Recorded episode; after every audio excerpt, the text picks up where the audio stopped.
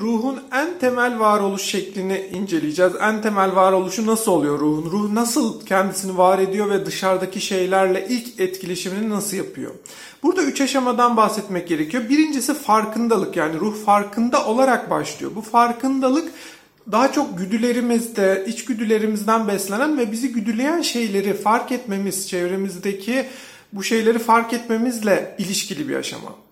Ama bu farkındalık ruhta işlenerek duygularımızı oluşturacak. Bu duygularda işte isteklerimiz, acılar, hazlar bu duyguları temel olarak e, güdüleyen şeyler ya da temel olarak bu duygular bu istek ve hazlardan ve korkulardan oluşuyor aslında. Ve bunlar bizde bir belli ruhumuzda alışkanlıkları oluşturan, alışkanlıkları besleyen yapılar.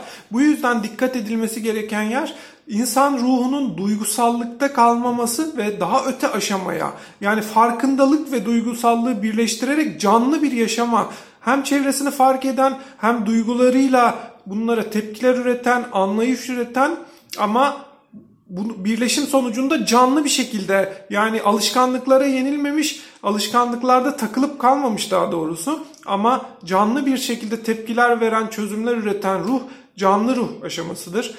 Bu da ruhun ilk başlangıç aşamalarını bize verir.